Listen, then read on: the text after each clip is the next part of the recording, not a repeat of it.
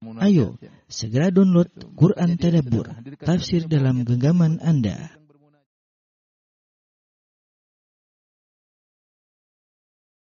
Bismillahirrahmanirrahim. Assalamualaikum warahmatullahi wabarakatuh. Alhamdulillahi ala ihsanih wa syukru lahu ala taufiqihi wa amtinani wa asyhadu an la ilaha illallah wahdahu la syarika lahu ta'ziman li sya'nih wa asyhadu anna Muhammadan abduhu wa rasuluhu da'ala ridwanih. Allahumma salli alaihi wa ala alihi wa ashabi wa ikhwani.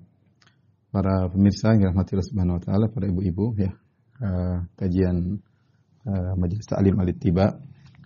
Uh, pada kesempatan kali ini kita akan membahas tentang tafsir surat Al-Fatihah. Tafsir surat Al-Fatihah. Uh, tentunya Al-Quran adalah uh, kitab hudan, kitab petunjuk bagi kita semua. Hudalil muttaqin, petunjuk bagi orang-orang yang bertakwa. Dan para Allah mengatakan Al-Quran adalah kitab kebahagiaan ya. Sejauh mana seseorang uh, terikat dengan Al-Quran ya, sejauh mana perhatiannya semakin besar kepada Al-Quran, maka semakin besar pula kebahagiaan yang akan dia peroleh. Oleh karenanya Allah Subhanahu wa taala berfirman, "Inna hadzal Qur'ana yahdi lillati aqwam." Sungguhnya Al-Quran ini memberi petunjuk kepada yang terlurus. Kemudian juga uh, Allah Subhanahu wa taala juga berfirman, "Toha ma anzalna 'alaikal Qur'ana litashqa." Sungguhnya Al-Quran tidak kami turunkan kepada engkau wahai Muhammad litashqa agar engkau uh, sengsara ya, tetapi agar engkau bahagia. Maka Al-Quran diturunkan untuk mendatangkan kebahagiaan bagi orang-orang yang beriman kepadanya, membacanya, terus memahami maknanya dan berusaha mengamalkannya dalam kehidupan sehari-hari. Demikian juga Allah Subhanahu wa taala berfirman wa nunazzilu minal qur'ani ma huwa shifa ya wa rahmatul lil mu'minin ya. Sungguhnya kami turunkan Al-Qur'an yang merupakan syifa obat ya dan rahmat rahmat bagi kaum mukminin. Demikian dalam ayat yang lain kata Allah Subhanahu wa taala wa syifaa'ul lima fis sudur. Al-Qur'an merupakan obat bagi uh, apa yang ada dalam hati ya.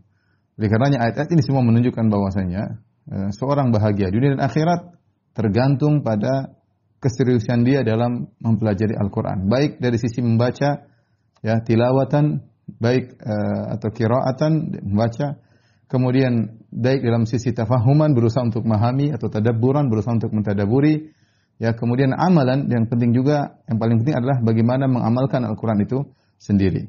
Maka pada kesempatan yang berbahagia ini kita sama-sama duduk uh, di sini dalam rangka untuk mempelajari ayat-ayat Al-Quran dan kandungan-kandungan maknanya agar kita bisa amalkan dalam kehidupan kita sehari-hari. Dan surat yang akan kita bahas pada kesempatan kali ini adalah surat yang pertama dalam uh, dalam mushaf yaitu surat Al-Fatihah, surat Al-Fatihah. Dan surat Al-Fatihah ya memiliki banyak nama bahkan sampai-sampai Al-Imam Al-Qurtubi rahimahullahu taala menyebutkan surat Al-Fatihah ya memiliki uh, sekitar 15 nama nanti akan kita sebutkan insyaallah taala. Namun sebelumnya kita akan bahas dulu yang pertama adalah uh, bismillahirrahmanirrahim ya. Bismillahirrahmanirrahim. Bismillahirrahmanirrahim. Uh, di sini ada khilaf di kalangan para ulama, khilaf ya secara umum disebut oleh Al-Qurtubi rahimahullah menjadi tiga pendapat ya. Khilaf ya, di kalangan para ulama. E, yang pertama berpendapat bahwasanya bismillah atau basmalah ya. Basmalah bukan e, termasuk e, ayat dalam Al-Fatihah dalam Al-Fatihah. Dalam surat Al-Fatihah ya. Kemudian pendapat yang kedua, ini pendapat Ibnu Mubarak, basmalah yaitu bismillahirrahmanirrahim adalah ayat pertama pada semua surat. Pada semua surat ya. Ini pendapat uh, Ibnu Mubarak ya. Ada ini pendapat jumhur, ini pendapat Malikiyah, kemudian Al-Hanafiyah, uh, kemudian Al-Hanabilah ya. Dan banyak diriwayatkan oleh Ibnu Jarir, diriwayatkan oleh Al-Qurtubi, banyak. Adapun ini pendapat Ibnu Mubarak. Kemudian uh, yang ketiga, pendapat yang ketiga bahwasanya basmalah ya adalah ayat pertama pertama dari surat Al-Fatihah. Al-Fatihah, bukan dari ya bukan dari seluruh surat dan ini pendapat Al-Imam Asy-Syafi'i rahimahullahu taala. Syafi'i rahimahullahu uh, taala. Perhatikan dalam Al-Qur'an bismillah uh, dalam Al-Qur'an bismillah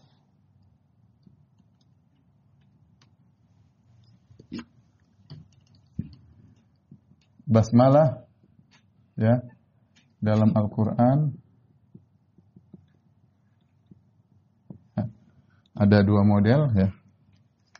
Yang pertama uh, yang ada dalam yang ada dalam surat An-Naml yaitu ketika Sulaiman menulis surat kepada Ratu Balkis Sulaiman berkata yaitu uh, innahu min Sulaiman wa innahu bismillahirrahmanirrahim innahu min Sulaiman wa innahu bismillahirrahmanirrahim. Kalau ini kalau ini semua sepakat bahwasanya ini merupakan Al-Qur'an. Ini semua ulama sepakat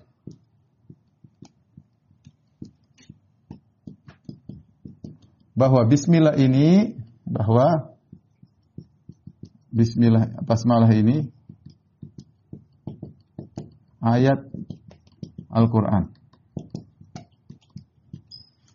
Yang kedua, pembahasan kita adalah basmalah basmalah yang ada di awal-awal surat. Ya, di awal-awal surat khususnya khususnya di awal Al-Fatihah. Awal Al-Fatihah. Nah, inilah yang inilah yang kita bahas ini adalah model kedua ya. Ini model pertama, model kedua. Nah inilah yang kita bahas di sini.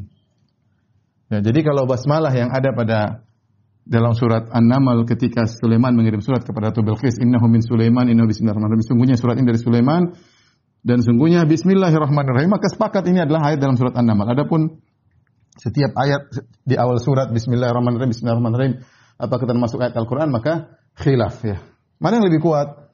Dari pendapat pertama yang mengatakan uh, basmalah bukan termasuk dalam Al-Fatihah ya dan juga bukan dari seluruh ayat ya dan hanya pemisah yaitu hanya pemisah ya, dari surat satu yang lainnya surat yang satu dengan yang lainnya ini pendapat jumhur ulama Walikiyah, Hanafiyah, Hanabilah yang kedua basmalah adalah seluruh surat ada basmalahnya. Itu termasuk ayat yang pertama dari setiap surat. Adapun Imam Syafi'i mengatakan basmalah termasuk dalam surat Al-Fatihah. Wallahu alam bisawab, pendapat yang lebih rajih, saya lebih menguatkan pendapat ini. Ini pendapat yang lebih kuat, ya. Pendapat yang lebih kuat ya. Dalilnya apa? Ya. Dalilnya, dalilnya ada dua atau ada beberapa dalil. Yang pertama, hadis dalam Sahih Muslim. Hadis Abu Hurairah dalam Sahih Muslim. Hadis Qudsi.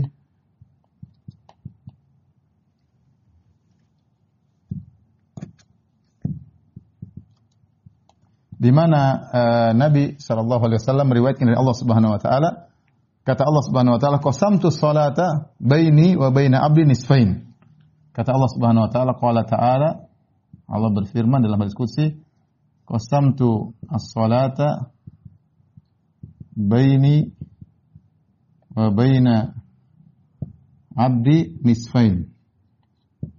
Ya, kata Allah Subhanahu wa taala, aku aku membagi as-salat. As-salat maknanya adalah uh, surat Al-Fatihah. Ini as-salat maksudnya surat Al-Fatihah. Wali abdi masa'al dan bagi hambaku apa yang dia minta. Kemudian kata Allah Subhanahu wa taala, "Fa idza qala abdi wa idza qala abdi wa idza qala wa idza qala abdi alhamdulillahi rabbil alamin." Maka Allah berkata, "Qultu hamidani abdi." Hambaku memujiku. Wa idza qala ya, Ar-Rahmanir Rahim ya. Maka Allah berkata uh, asna alayya abdi. Hambaku menyanjungku. Wa idza qala jika hambaku berkata Maliki yaumiddin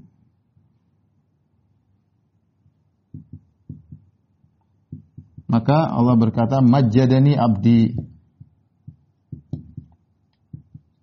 Wa idza qala ya Iyyaka na'budu wa iyyaka nasta'in Iyyaka na'budu wa iyyaka nasta'in. Allah berkata hadza baini wa baina abdi wa li abdi mas'al dan bagi hambaku apa yang dia minta wa idza qala kemudian jika hambaku berkata Malik yaumiddin iyyaka na'budu wa iyyaka nasta'in ihdinas siratal mustaqim. Ihdina siratal mustaqim. Siratal ladzina an'amta 'alaihim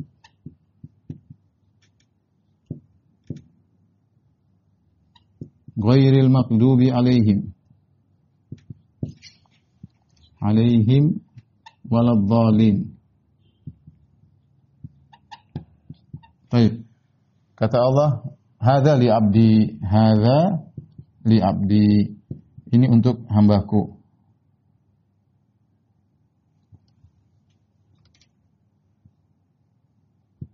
Wali abdi masal. Tapi perhatikan di sini. Hadisnya disuai dalam Sahih Muslim. Saya ulangi. Jadi Allah berkata, aku membagi salat bagi Al-Fatihah menjadi dua bagian, nisfain, setengah-setengah. Dan kita Al-Fatihah, Al-Fatihah tujuh ayat. Al-Fatihah tujuh ayat ya tujuh ayat. Uh, ayat tersebut pertama dikulai dari Alhamdulillah alamin. Seandainya Bismillah termasuk Al-Fatihah, maka Allah akan berkata, Wa idha qala abdi Bismillahirrahmanirrahim dengan nama Allah yang maha maksud lagi yang pengayang, maka akan disebutkan. Tapi ternyata Allah mulai dengan kalau hambaku berkata Alhamdulillah alamin, maka aku berkata Hamidani abdi, hambaku telah memujiku. Ar-Rahmanir Rahim, asna alayya abdi, hambaku telah menyanjungku. Malik yaumiddin majadini abdi. Ini semua untuk Allah. Tiga ayat. Ini semua tiga ayat. Tiga ayat untuk Allah. Karena Allah bagi setengah. Ayat keempat, ini ayat pertama. Satu, dua, tiga. Ini ayat yang keempat, kata Allah, Hada baini wa baini abdi. Ini antara, untuk aku, antara aku dan hambaku.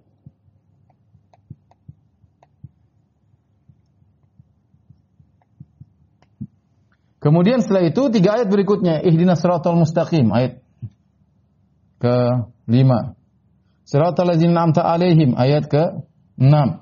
Ghairil maghdubi alaihim waladdallin ayat ke tujuh. Ini ayat ke lima, ayat ke enam, ayat ke tujuh. Ini menurut pembagian mereka sehingga Al-Fatihah tujuh ayat dan tiga ayat untuk Allah, tiga ayat untuk hamba karena ini semua permintaan. Ya Allah tunjukkan kami jalan yang lurus, yaitu jalan yang orang-orang yang kau beri mati kepada mereka bukan jalan orang-orang yang kau murkai atau yang kau sesatkan.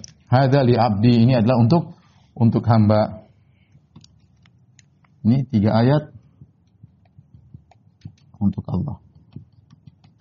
Taib. Ini dalil yang sangat kuat yang menunjukkan bahwasanya uh, Bismillah bukan termasuk di Al-Fatihah. Dalil yang kedua yaitu secara logika ini pendapat Al-Qurtubi logika ya bahwasanya seluruh ayat dalam Al-Qur'an Al-Quran diriwayatkan dengan mutawatir. Mutawatir. Beda dengan hadis. Kalau hadis ada yang mutawatir, ada yang ahad. Mutawatir itu sahabat lebih dari 10 meriwayatkan. Semuanya meriwayatkan. Nah, ternyata bismillah khilaf. ya ternyata bismillah basmalah termasuk Al-Fatihah khilaf ya. Oleh karenanya tidak disepakati berarti menunjukkan tidak kuat bahwasanya dia adalah termasuk daripada uh, Al-Fatihah. Kemudian yang ketiga, dalil yang ketiga, ini, ini dari Imam Al-Qurtubi. Dalil yang ketiga ada pengulangan ya, ada pengulangan Ar-Rahmanir Rahim. Ar-Rahmanir Rahim ya. Bismillahirrahmanirrahim. Allah ulangi lagi. Ar-Rahmanir Rahim menunjukkan Ar-Rahmanir Rahim ini ayat tersendiri. Bismillahirrahmanirrahim bukan ayat dari Al-Fatihah. Ya, ini sekedar kita tahu bahwasanya ada khilaf ya karena kita terbiasa dengan mazhab Syafi'i, kita eh, rata-rata meyakini bahwasanya baca bismillah itu wajib ya ternyata memang ada khilaf dan bahkan jumhur ulama berpendapat basmalah bukan termasuk dari al-fatihah. Jadi kalau ada orang membaca alhamdulillahirabbil alamin maka ada masalah ya. Tetapi untuk keluar daripada khilaf, untuk keluar daripada khilaf uh, kata Imam Al-Qurtubi hendaknya kita baca bismillahirrahmanirrahim ya sebagai sunnah dengan disir ya sebagaimana hadis Anas bin Malik radhiyallahu taala anhu Anas bin Malik mengatakan shalla bina Rasulullah sallallahu alaihi wasallam wa lam yusmi'na Ya, bismillahirrahmanirrahim ya. Ya, bahwasanya uh, kata Anas bin Malik, kami salat bersama Nabi sallallahu alaihi wasallam dan Rasulullah sallam tidak memperdengarkan bismillahirrahmanirrahim tapi langsung alhamdulillah ya rabbil alamin. Intinya uh, pendapat yang lebih kuat bahwasanya al basmalah bukan termasuk dari uh, Al-Fatihah. Pembahasan berikutnya, kapan dianjurkan kita baca basmalah ya? Kapan dianjurkan kita baca basmalah?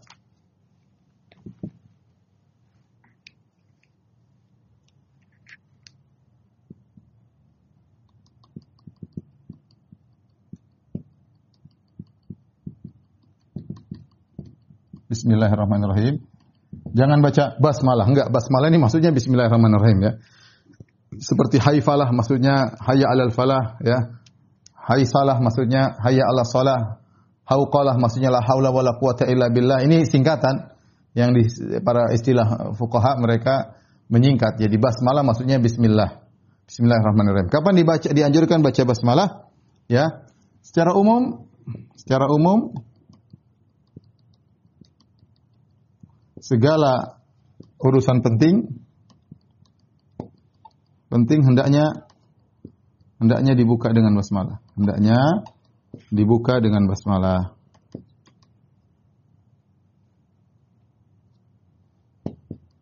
Bismillah, ya, Bismillahirrahmanirrahim. Dengan basmalah. Datang dalam hadis, ya, dalam hadis hadis ini dipersingkat oleh para ulama, namun dihasankan oleh banyak ulama seperti Ibnu Hajar, Ibnu Salah, ya. Uh, kemudian dia hadisnya Syekh bin Bas, Hasan li yaitu Nabi SAW bersabda, Kullu amrin zibalin la la yubda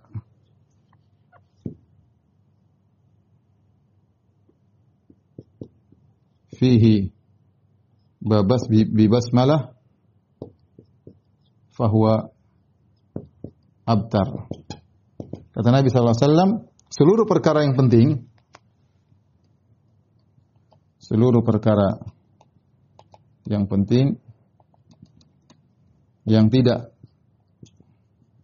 dibuka dengan basmalah dengan basmalah maka terputus maka terputus karena basmalah adalah kalimat keberkahan jadi segala perkara penting jangan lupa kita bismillah bismillahirrahmanirrahim bismillah ya secara umum ya hadis ini hadisnya Hasan li ya hadis Hasan li hadis Hasan di goirihi.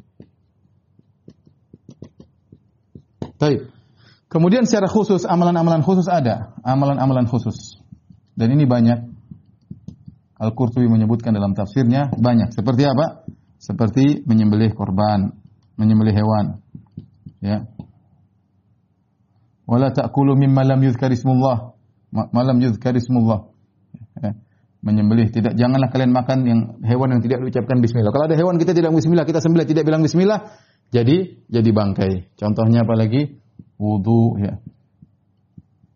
Dalam, uh, kemudian contohnya kata kata Nabi SAW tawaddau bismillah. Dalam hadis tawaddau bismillah. Kemudian contohnya juga uh, misalnya kalau tersungkur atau tergelincir. Dan ini banyak orang salah ya.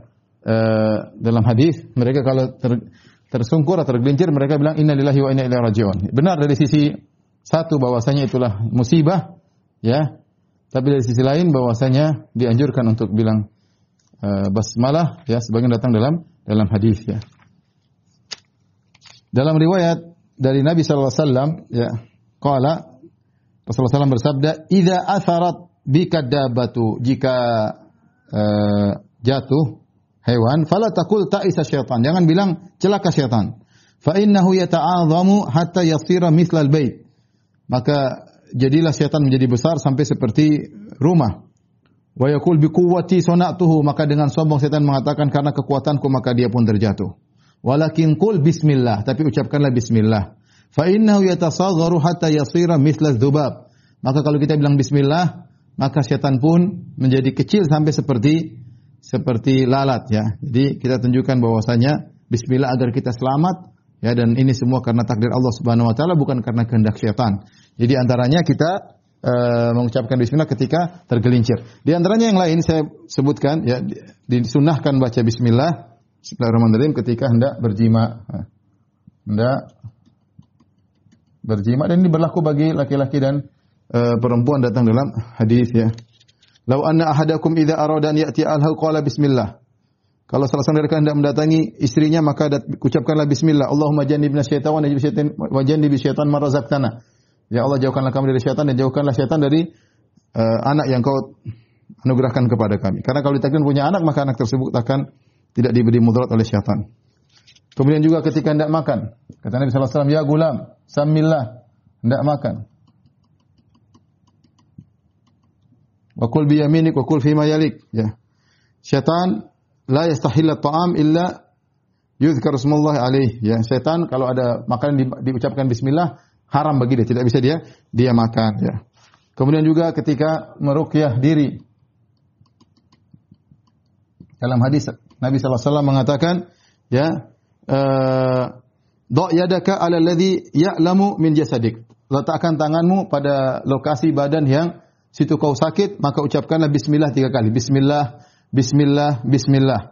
Wa qul sab'a marrat dan ucapkan tujuh kali a'udzu bi a'udzu bi izzatillahi wa qadri wa qudratihi min syarri ma ajidu wa uhadzir. Aku berlindung dengan keperkasaan Allah wa qudratihi dan juga kuasaan Allah min syarri ma ajidu wa uhadir dari keburukan yang aku dapati dan aku khawatirkan. Ya. Kemudian juga ketika membuka membuka baju kata Nabi sallallahu alaihi wasallam satru ma baina al-jin wa aurati bani Adam idza dakhala al-kanif an yaqul bismillah yaitu penghalang antara aurat seorang mukmin atau seorang manusia dengan pandangan jin ketika dia hendak masuk dalam toilet dia mengucapkan bismillah. Maka akan tertutup. Jin nggak bisa nggak bisa melihat. Demikian juga Nabi kalau hendak berwudu Nabi mengucapkan bismillah ya. Ini diantara uh, hal-hal yang dianjurkan untuk serius untuk baca bismillah. Namun secara umum kita ke mana-mana kita bilang Bismillah. Jangan keluar rumah Bismillah tawakkaltu ala Allah la illa billah. Secara umum, perkara yang penting kita bilang Bismillah. Karena Bismillah artinya dengan menyebut nama Allah maka kita mencari keberkahan. Kita mencari keberkahan ya. Iqra bismi rabbikal ladzi khalaq. Bacalah Al-Qur'an dengan menyebut nama yang menciptakan kau. Jadi uh, dianjurkan kita baca bismillah. Namun yang benar sudah kita jelaskan tadi, basmalah atau bismillahirrahmanirrahim bukanlah ayat daripada Al-Fatihah. Ketika kita baca kita boleh baca sebagai dia sunnah atau dianjurkan bukan sebagai suatu yang wajib atau bagian daripada surat Al-Fatihah. Allah alam bisawab. Kita lanjutkan. Adapun yang berpendapat bahwasanya Bismillahirrahmanirrahim termasuk daripada Al-Fatihah, maka mereka Al-Fatihah tujuh ayat, semua sepakat Al-Fatihah tujuh ayat, maka mereka baca Bismillahirrahmanirrahim ayat yang pertama. Kemudian Alhamdulillahirabbil alamin, Ar-Rahmanirrahim, Maliki yaumiddin, Iyyaka na'budu wa iyyaka nasta'in, Ihdinas siratal mustaqim. Ayat yang ketujuh panjang. Siratal ladzina an'amta 'alaihim ghairil maghdubi 'alaihim waladdallin. Ya. Tetapi kalau begitu maka pembagian tadi tidak bisa setengah-setengah. Ya. Berarti untuk hamba cuma dua ayat ya. ya. Karena uh, yang kemudian untuk untuk Allah empat ayat ya. Bismillahirrahmanirrahim. Alhamdulillahirrahmanirrahim. Maliki empat ayat. Untuk hamba dua ayat. Ya, maka tidak pas seperti hadis dalam Sahih Muslim tadi aku membagi Al-Fatihah menjadi setengah, setengah untuk aku, setengah untuk hambaku. Jadi tidak pas. Adapun tadi pendapat jumhur ulama yang mengatakan Al-Fatihah tujuh ayat, maka mereka hitungnya dari Alhamdulillahirabbil alamin, Arrahmanir Rahim, Maliki yaumiddin, Iyyaka na'budu wa iyyaka nasta'in, Ihdinas siratal mustaqim, siratal ladzina an'amta alaihim. Satu ayat sampai alaihim satu ayat, kemudian baru ghairil maghdubi alaihim waladdallin tujuh ayat. Ini lebih kuat insyaallah taala. Taib surat Al-Fatihah adalah surat Makkiyah. Surat Makkiyah yaitu turun di Mekah. Karena kita tahu bahwasanya uh, uh, kewajiban salat diwajibkan ketika Rasulullah SAW Isra Mi'raj dan Rasulullah SAW Isra Mi'raj ketika beliau di Mekah itu kira-kira ada yang mengatakan tiga tahun sebelum hijrah, ada yang mengatakan setahun sebelum hijrah. Tapi intinya tidaklah diwajibkan salat kecuali dengan surat Al-Fatihah, kecuali dengan surat Al-Fatihah. Nah, surat Al-Fatihah ini memiliki nama yang banyak. Memiliki nama yang banyak sampai-sampai uh, Al-Qurtubi menyebutkan ya ada 12 ya. 12 nama ya. 12 nama. Namun di antaranya yang penting nama-nama tersebut adalah salat ya. Di antara namanya adalah as-salat ya. Surat Al-Fatihah. Uh, surat Makkiyah. Makkiyah sudah kita jelaskan yaitu yang turun di sebelum turun sebelum Nabi berhijrah yaitu apa turun sebelum dan ini ijma ulama sepakat ulama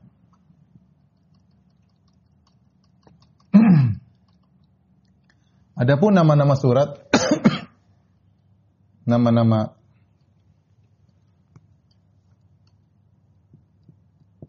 nama-nama surat Al-Fatihah Di antaranya, ya banyak ya, saya sebutnya di antaranya namanya as-salat. Tadi dalam hadis, kosam tu salat. Kosam tu salat ya. Nabi mengatakan Allah ber, ber, ber, dalam diskusi aku membagi salat. Salat maksudnya Al-Fatihah. Kenapa disebut salat? Karena salat tidak sah ya. Tidak sah kecuali dengan Al-Fatihah.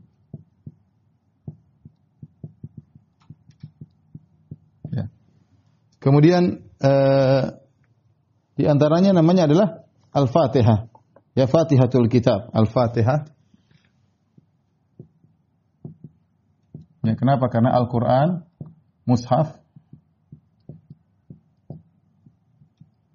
mushaf dimulai dengan Al-Fatihah, dimulai. Al-Fatihah pembuka artinya dibuka dibuka dengan Al-Fatihah. Al-Fatihah. Maka dia adalah surat pembuka. Kemudian di antaranya adalah Ummul Kitab. Ummul Kitab artinya induknya Al-Qur'an. Induknya Al-Qur'an. Kenapa di, dikatakan demikian? Karena uh, seluruh seluruh ayat seluruh surat selanjutnya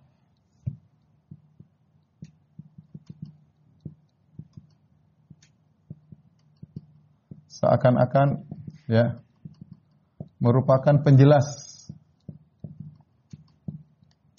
penjelas dari surat Al-Fatihah.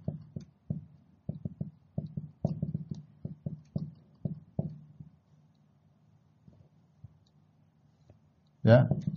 Jadi semua surat-surat selanjutnya surat Al-Baqarah, surat Al-Imran, surat An-Nisa, ya, semuanya adalah eh, penjelas daripada Al-Qur'an. Disebut juga dengan surat Alhamdu. Alhamdu. Kenapa? Karena dibuka ayat pertama Alhamdulillahi Rabbil Alamin.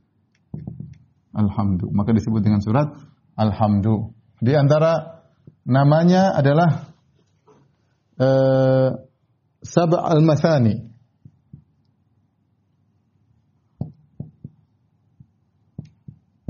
Walaqad atainaka sab'an min al-mathani wal Qur'an al-azim. Tujuh yang berulang-ulang. Sab' apa artinya tujuh? Tujuh yang berulang-ulang. Ya, karena karena dibaca setiap rakaat. Dibaca, diulang setiap rakaat salat. Kemudian juga disebut dengan asyifa atau asyafi ya. Entah coba saya lihat.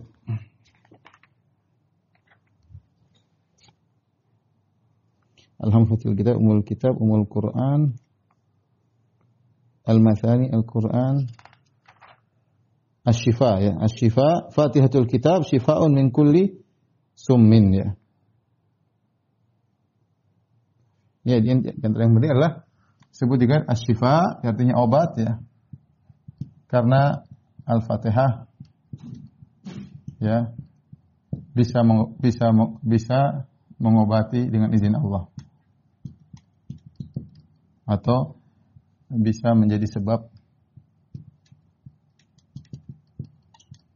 sebab obat dengan izin Allah. Dibuat rukyah ya. Apakah penyakit hati maupun penyakit uh, badannya. Umul kitab disebut juga di antaranya umul Quran. Maknanya sama ya. Umul Quran ya. Ibunya Al-Quran. Ini di antara nama-nama penting ya. Yang uh, apa namanya? Uh, yang merupakan nama-nama dari surat Al-Fatihah ya. Tapi tolong dihapus. Setelah ini kita akan bahas tentang kandungan surat Al-Fatihah.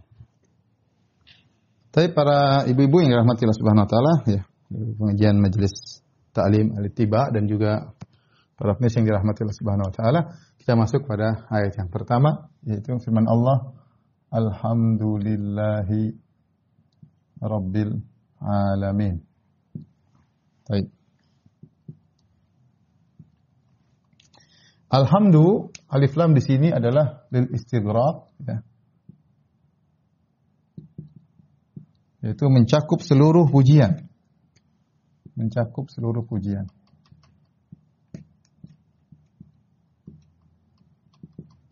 Baik. Kemudian alhamdu alhamdu ya adalah artinya adalah pujian disertai kecintaan. Berbeda dengan al berbeda dengan al-madah. Berbeda dengan al-madah. Al-madah itu bisa jadi bisa jadi memuji tanpa uh, memuji tanpa mencintai.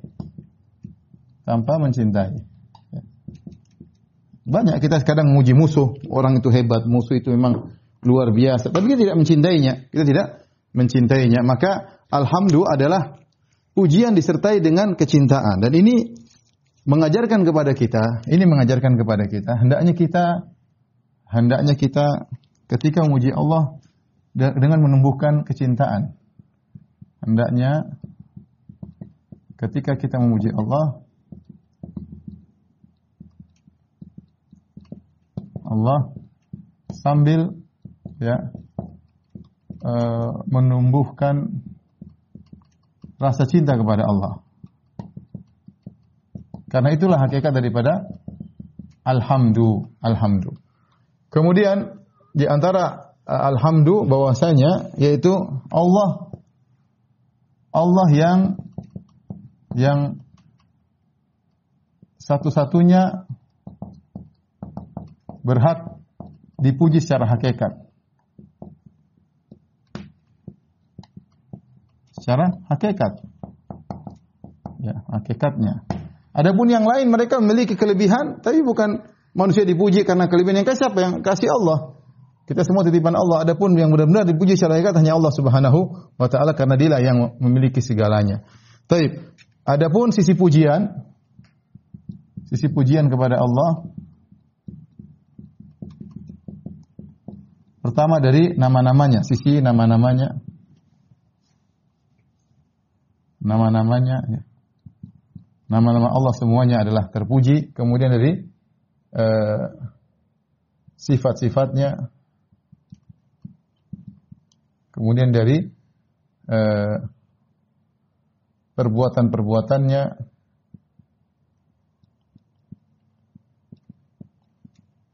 perbuatan-perbuatannya cuma terbagi menjadi dua yaitu al-fadl kemudian al-adl yaitu Allah beri nikmat karena karunia Allah yaitu Allah beri nikmat karena karunianya Allah menghukum ya menghukum karena keadilannya.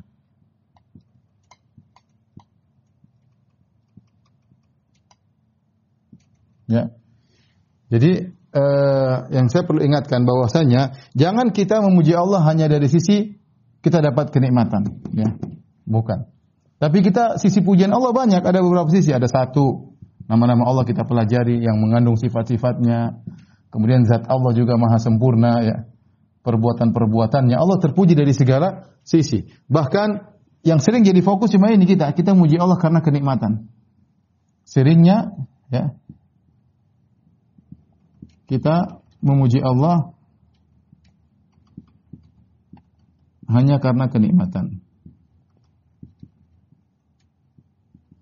Padahal tidak banyak sisi yang harus kita bisa memuji Allah. Contoh, Allah menghukum, Allah keadilan, Allah menghukum, Allah bikin musibah. Semuanya kita bilang alhamdulillah ala kulli hal. Alhamdulillah. Kita memuji, kita mengatakan alhamdulillahi ala kulli halin, ya.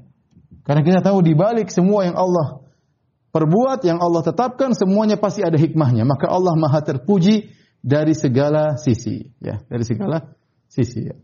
Kita nikmat saja kalau kita memuji terlalu banyak ya. Nah, nikmat pandangan, nikmat mendengar, nikmat sehat, nikmat keamanan, nikmat keluarga ya, e, nikmat punya anak, nikmat ikut pengajian, nikmat ketentraman, nikmat bisa kelezatan beribadah, nikmat bisa berkawan dengan kawan-kawan yang baik. Banyak sekali kenikmatan yang kalau kita mau hitung satu persatu kita nggak bakalan uh, bisa tahu. Belum lagi kenikmatan yang lain, kenikmatan yang tidak pernah kita minta. Ya Allah berikan kita udara, Allah berikan kita ini, Allah rawat kita. Banyak sekali yang Allah beri nikmat yang tidak pernah kita minta atau Allah berikan karena Allah tahu keperluan kita. Ya, maka kita muji Allah dalam segala hal. Namanya alhamdu. Mencakup segala pujian atau istihqaq hanya Allah yang berhak untuk dipuji, maka dikatakan lillah, yaitu segala puji hanya bagi Allah Subhanahu wa taala. Ya, segala puji bagi Allah.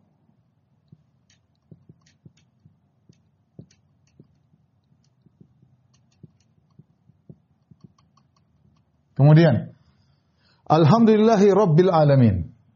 Rabbil Alamin. Ya. Al-Alamin Alamin adalah makhluk. Al-Alamin adalah makhluk, yaitu semua selain Allah. Dalam kurung makhluk-makhluk. Semua makhluk adalah al-alamin, malaikat, manusia, jin, ya, hewan, serangga, semuanya, ya. Jin soleh, syaitan, semuanya. Allah adalah Rabbnya. Rob artinya adalah sebagaimana pernah kita bahas dalam syarah Asmaul Husna. Rob artinya adalah pengatur, pencipta, pencipta, kemudian uh, pemilik, pemilik, kemudian pengatur, ya. Secara umum kita Rob dari tarbiyah yaitu yang mengurusi, yang mengurusi seluruh makhluk. Semua yang alam semesta ini yang ngurusi Allah. Baik benda mati maupun benda hidup. Ya, manusia, hewan. Bukan cuma kita aja yang diurusin. Langit, Inna Allah yumsikus samawati wal ardu alla tazula. Allah megang langit dan bumi agar tidak hilang. Semuanya diurus oleh Allah Subhanahu wa taala. Alhamdulillahirabbil alamin. Segala puji bagi Allah pemilik alam semesta ya. Alamin maksudnya selain Allah itu alam alam semesta. Allah yang menciptakan, Allah yang memiliki, Allah yang mengatur, itu Allah yang mengurusi ini semua. Ya, ini yang perlu uh, alhamdulillah. Ini kita tafsir secara singkat. Kemudian Allah Subhanahu wa taala berfirman Ar-Rahman Ar-Rahim. Maha pengasih lagi Maha penyayang kalau bahasa kita adalah uh, Ar-Rahman Ar-Rahman ini dari wazan fa'lan sirah mubalaghah yang menunjukkan bahwasanya yang menunjukkan besarnya besarnya dan luasnya rahmat Allah. Ya. Rahmat Allah sangat luas ya. Di antaranya Allah mengatakan Rabbana wasi'ta kulla syai'in rahmatan wa ilma. Wasi'ta kulla syai'in rahmatan wa ilma. Ya Allah, rahmatmu meliputi segala segala sesuatu. Wa rahmati wasi'at kulla syai'. Wa rahmati wasi'at kulla syai'. Segala rahmatku meliputi segala segala sesuatu. Allah Maha Maha rahmat ya. Allah Maha rahmat. Maha pengasih lagi Maha penyayang. Itu namanya Ar-Rahman. Ar-Rahman ya. Adapun Ar-Rahim berkaitan dengan uh, Allah menyampaikan rahmat tersebut rahmat tersebut kepada hamba-hambanya, kepada makhluknya. Kepada makhluk-makhluknya sesuai dengan kadar yang Allah kehendaki. Jadi Ar-Rahman itu berkaitan dengan sifat yang ada pada diri Allah, Ar-Rahim berkaitan dengan sampainya sifat rahmat tersebut kepada makhluk. Tapi Allah Maha pengasih ya. Dan Allah menyampaikan rahmat tersebut kepada makhluk-makhluknya. Ada rahmat umum yang Allah berikan kepada seluruh makhluk. Rahmat khusus ada kepada orang-orang yang soleh yang beriman.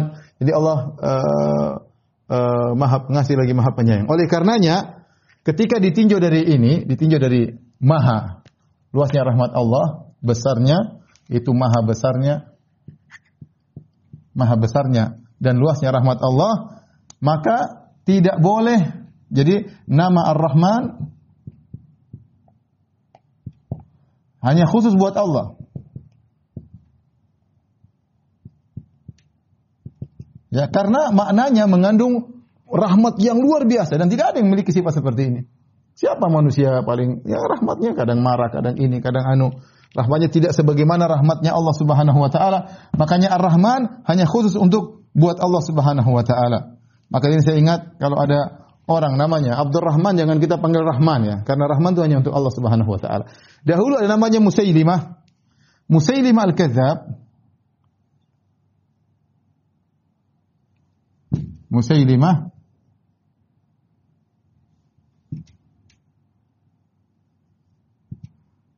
uh, Musailimah ya, dia menamakan dirinya dengan Rahmanul Yamamah.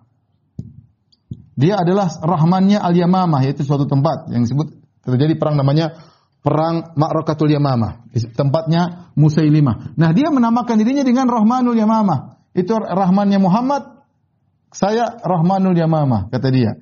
Maka orang-orang menamakan dia dengan Al-Kadzab, sang pendusta. Karena dia tidak cocok dia dia ngaku sebagai nabi, Musailimah ngaku sebagai nabi, dia mengatakan dia Muhammad, ya udah, engkau nabi saya juga nabi ya. Bagi dua, ya. engkau nabi saya juga nabi dan dia mengatakan Rahmanul Yamamah, maka Allah langsung mentenarkan dia dengan Al-Kadzab. Sampai sekarang orang kalau menyebut Musailimah pasti ditambah dengan Musailimah Al-Kadzab, sang pendusta. Padahal orang kafir banyak pendusta tapi dia digelar dengan pendusta karena dia berani-berani mengambil nama Ar-Rahman dari Allah dipasangkan pada pada dirinya. Adapun Ar-Rahim maka rahim boleh nama manusia. Allah sebut tentang sifat Nabi Muhammad SAW bil mu'minina raufur rahim. Ya, bahwasanya uh, uh, Nabi SAW itu uh, rahim sayang kepada orang-orang. Terimalah pada ja'akum rasulun min anfusikum. Azizun alaihi ma'anitum harisun alaikum bil mu'minina raufur rahim. Rahim boleh dinamakan kepada manusia. Adapun Ar-Rahman khusus buat Allah Subhanahu wa taala sudah kita bahas dalam penjelasan Asmaul Husna tentang Ar-Rahman Ar-Rahim. Kemudian Malik Yaumiddin. Malik Yaumiddin. Malik kalau secara bahasa Malik artinya pemilik. Dalam kiroah yang lain disebut dengan Malik. Malik. Kalau ini Malik ada panjang Malik. Ini Malik. Malik artinya raja. Yaumiddin artinya adin artinya pembalasan yaitu hari pembalasan. Nah. Jadi ada dua makna. Adapun kalau kita artikan Malik Yaumiddin pemilik hari pembalasan yaitu Allah yang mengatur semuanya pada hari pembalasan. Yaitu dia karena Allah yang memiliki hari tersebut. Karena dia yang memiliki hari tersebut, dia berhak mengatur apapun yang dia kehendaki, apapun yang dia lakukan, terserah Allah Subhanahu wa taala karena dia yang memiliki hari pembalasan, dia yang membangkitkan manusia, dia yang menciptakan manusia pada hari tersebut. Dialah pemilik yang sungguhnya Malik Yaumiddin. Inna lillahi wa inna raji'un. Kita semua kembali kepada Allah. Di dunia kita milik Allah, di hari pembalasan kita milik Allah Subhanahu wa taala. Makna yang kedua raja. Raja hari pembalasan. Kenapa pada hari pembalasan tidak ada yang beri nongol jadi raja, ya. Pada hari pembalasan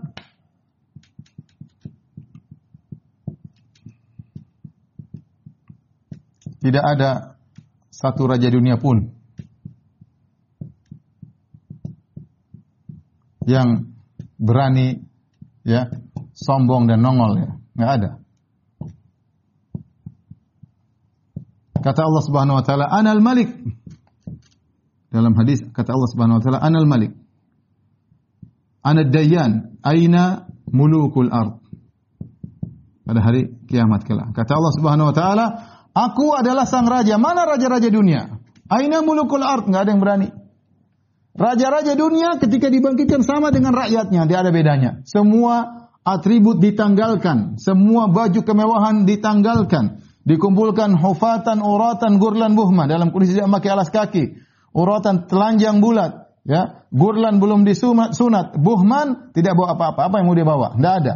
Dia dibangkitkan begitu saja, sama dengan rakyatnya, sama dengan pembantunya, ya.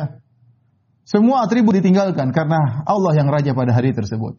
Malik Yaumiddin, ya. Kemudian Allah Subhanahu wa taala berfirman, Tapi tulis ini ayat pertama. Ini ayat kedua. Ayat ketiga. Kemudian ayat keempat.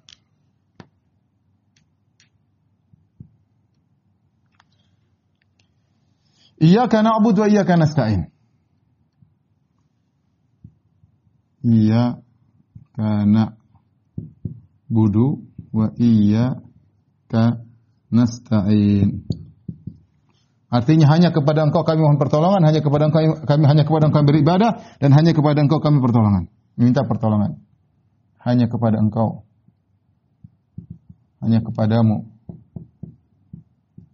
kami beribadah. Hanya kepadamu kami mohon pertolongan, kami meminta tolong. Ini adalah pengakuan dari hamba. Perhatikan sini. Asalnya nak buduka, tetapi asalnya nak buduka sebagaimana subjek predikat objek, kami menyembahmu. Tetapi mu, mu objek, subjek predikat objek, objeknya dimajukan ke depan. Iyaka, kepadamu kami beribadah. Ketika objek dimajukan sebelum subjek dan predikat, ya maka ini memberikan faedah pengkhususan. Ya eh, saya gambarkan sederhana misalnya asalnya nak buduka itu kami menyembahmu. Asalnya demikian. Tetapi ini ka dimajukan oleh Allah Subhanahu wa taala. Ini ka dimajukan didahulukan. Jadi iyaka iyaka na'budu ya perhatikan sini. Asalnya na'buduka Kemudian jadi iyyaka na'budu. Iyyaka na'budu sehingga artinya lagi bukan lagi kami menyembahmu tapi ada kata hanya, ditambah kata hanya. Hanya kepadamu kami menyembah. Kami menyembah. Dan ini menunjukkan tauhid ya.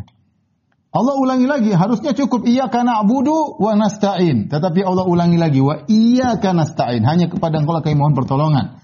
Karena dua-dua ini butuh keikhlasan, butuh keikhlasan tatkala beribadah, butuh keikhlasan tatkala mohon pertolongan. Ya. Ya, dengan kita beribadah yang benar maka kita akan diberi pertolongan. Kenapa didahulukan na'budu baru nasta'in? Ada dua sebab kata para ulama karena dengan kita memohon berdoa kita diberi pertolongan dan kita ber, meminta tolong kepada Allah untuk beribadah. Jadi ibadah tujuan, adapun pertolongan adalah wasilah. Taib. Kata Ibn Taimiyah rahimahullah taala, barang siapa yang mewujudkan ini, ini ikrar kita. Iyyaka na'bud. Ya Allah hanya kepada Engkau lah kami beribadah. Kita semua yang mengikrarkan ini mengamalkan ini akan selamat dari riya. Kata Ibnu Taimiyah rahimahullahu taala, ya, menyelamatkan dari riya.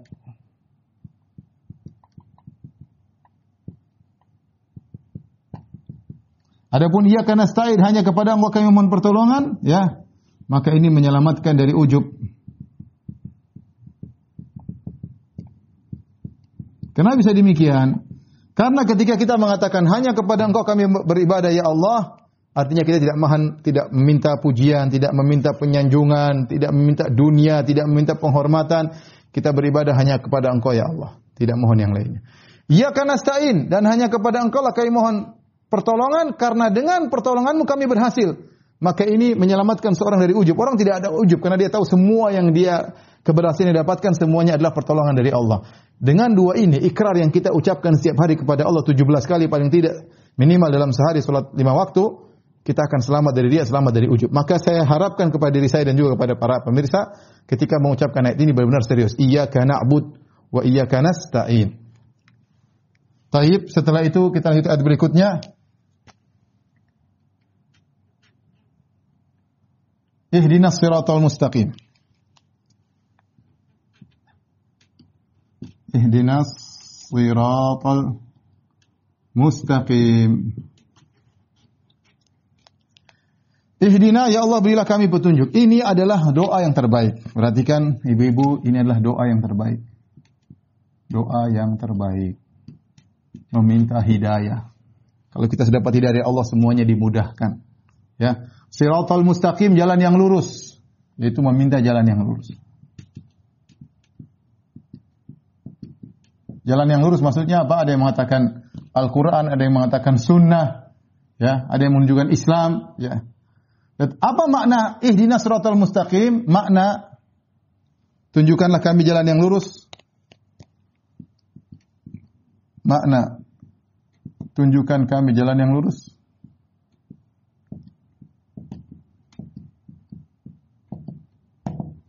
Yang pertama adalah ya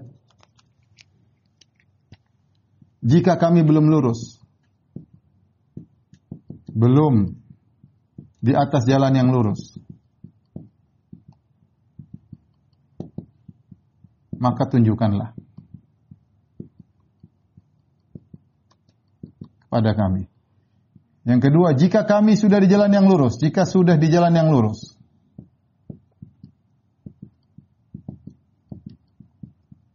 maka kokohkanlah, maka tegarkanlah, yaitu istiqomahkanlah. Tegarkanlah. Dalam burung istiqomah. Jika sudah istiqomah,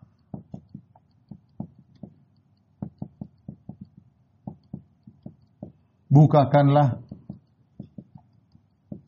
pintu-pintu kebaikan, jalan-jalan kebaikan yang lain. Jalan-jalan kebaikan yang lain. Karena kita tahu jalan kebaikan sangat banyak. Ya, ini ini kita hadirkan dalam doa kita kita akan mengucapkan ihdinas siratal mustaqim. Ya Allah kalau saya belum lurus luruskan. Ya Allah jika saya sudah lurus tegarkanlah istiqomah. Ya Allah kalau sudah istiqomah bukakanlah pintu-pintu kebaikan yang lain, jalan-jalan kebaikan yang inilah ihdinas siratal mustaqim. Sayangnya betapa sering kita mengucapkan ihdinas siratal mustaqim pikiran kita melayang-layang. Tidak konsentrasi. Padahal semua ini adalah mukaddimah. Alhamdulillah alamin, arrahmanir rahim, maliki yaumiddin. Ini mukaddimah. Puji kepada Allah bukankah di antara adab dalam berdoa memuji Allah. Kemudian meminta inilah ujian. Rabbil alamin hamadani abdi hamidani abdi arrahmanir rahim asna alayya abdi malik yaumiddin. Hambaku mujiku hambaku menyanjungku. Malik yaumiddin majjadani abdi hambaku mengagungkan aku. Baru kemudian kita minta. Ini semua mukadimah ini minta yang paling penting. Inna siratal mustaqim. Ya iya karena abu dua iya karena stain sama pengakuan ikrar setelah itu baru ihdinas siratal mustaqim. Tunjukkan kami jalan yang lurus. Kemudian apa jalan lurus tersebut? Yang keenam,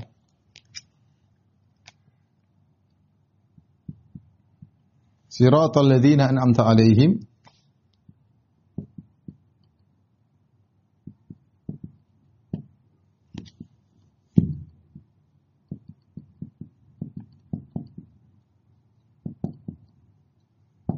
jalan orang-orang yang kau beri nikmat kepada mereka. Siapa orang yang Allah beri nikmat kepada mereka? Dalam ayat yang lain minan nabiyyin wasiddiqin wasyuhada wassalihin.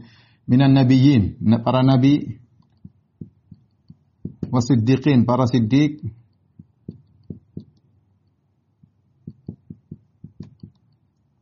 wasyuhada wasalihin, para para syahid, para syahid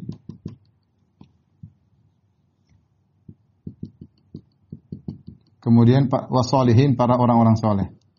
Para soleh. Jadi kita tidak sembarang minta, kita minta jalan orang yang kau beri nikmat, jarang orang-orang hebat. Ya, oleh karenanya kata para ulama, ketika kita minta, minta yang tinggi kepada Allah. Bukan jalan sembarang, bukan jalan orang tetangga, tidak jalan Nabi yang tinggi. Kalau enggak jalan-jalan para siddiqin, orang-orang yang memiliki iman yang tinggi, para syuhada, para salihin. Kita ingat subhanallah, kita meminta kepada Allah permintaan yang agung. Ya Allah tunjukkanlah kami jalan orang-orang tersebut. Kemudian yang terakhir yang ketujuh, ghairil maghdubi alaihim waladhdallin amin.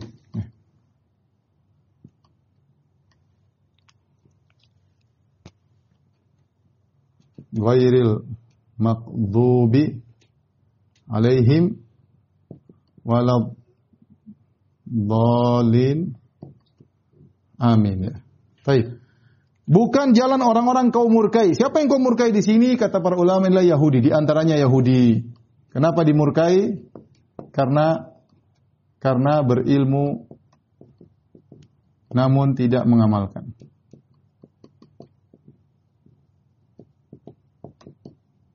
Walau dalin tersesat ini adalah Nasara. Nasara kenapa? Semangat beribadah beribadah tanpa ilmu. Maka jadilah orang-orang yang tersesat ya, dua-duanya. Jadi ketika kita meminta nikmat jalan yang lurus, kemudian pada ayat ketujuh kita meminta agar dijauhkan, ditunjukkan kepada jalan yang lurus, dijauhkan dari jalan yang buruk. Jalan yang buruk ada dua, jalannya Yahudi berilmu namun tidak mengamalkan, jalan Nasara yaitu semangat beribadah namun tidak punya ilmu dan dua-duanya adalah uh, apa namanya tercela ya. Wa ghadiballahu alaihim wa la'anahum. Allah sebut dalam ayat yang lain orang Yahudi dimurkai oleh Allah, dilaknat oleh Allah. Qad dhallu min qablu wa adallu katsiran wa dhallu an sawa'is sabil. Kata Allah orang Nasara mereka telah sesat sebelumnya dan mereka menyesatkan banyak orang dan mereka telah sesat dari jalan yang yang lurus dan dua-dua inilah jalan yang yang buruk. Maka ketika kita baca Al-Fatihah hendaknya kita renungkan ini semua agar doa kita dikabulkan oleh Allah Subhanahu wa taala. Ini surat yang teragung. Lihat dari sini kita tahu kenapa disebut dengan Ummul Kitab, induk Al-Quran, karena Al-Fatihah isinya mencakup sifat-sifat Allah, ada tauhid uluhiyah, alhamdulillah hanya Allah yang berhak disembah. Sang saya lupa ini Allah di sini artinya yang artinya yang berhak disembah ya, Allah yang berhak disembah. Ya. Ada mencakup tauhid uluhiyah, tauhid rububiyah, tauhid asma sifat, Kemudian juga tentang rukun iman, iman kepada uh, Allah. Kemudian uh, Malik Yaumiddin ya, iman kepada hari akhirat, hari pembalasan. Kemudian ihdinas siratal mustaqim, jalan yang lurus berarti jalan yang dituju kepada Rasul berarti iman kepada Rasul ya, iman kepada uh, Rasul. Kemudian ini juga berkaitan dengan takdir ya bahwasanya kita meminta kepada Allah ya bahwasanya hidayah datang dari Allah Subhanahu wa taala bukan seperti orang Qadariyah yang mengatakan Allah tidak turut campur kita punya kegiatan sendiri. Kalau Allah tidak turut campur kenapa kita minta hidayah kepada Allah Subhanahu wa taala? Ya ini mencakup rukun-rukun iman yang disebutkan dalam surat Al-Fatihah. Inilah agungnya surat Al-Fatihah. Semoga ketika kita membaca Al-Fatihah dalam salat kita kita bisa merenungkan makna-makna yang singkat ini sehingga salat kita bisa menjadi lebih khusyuk. Wallahu taala alam bisawab. Taib uh, demikian saja pertanyaan sudah habis. Insyaallah kita lanjutkan uh, dua pekan lagi surat Al-Baqarah insyaallah taala. Jangan lupa diulang-ulang apa yang telah kita sampaikan agar kita lebih khusyuk dalam salat. Kalau antunna sekalian ibu-ibu bisa khusyuk, saya juga dapat pahala karena saya telah menyampaikan ilmu yang mudah-mudahan bermanfaat bagi kita semua. Demikian wabillahi taufiq wal hidayah. Assalamualaikum warahmatullahi wabarakatuh. Subhanakallah bihamdik asyhadu an la ilaha illa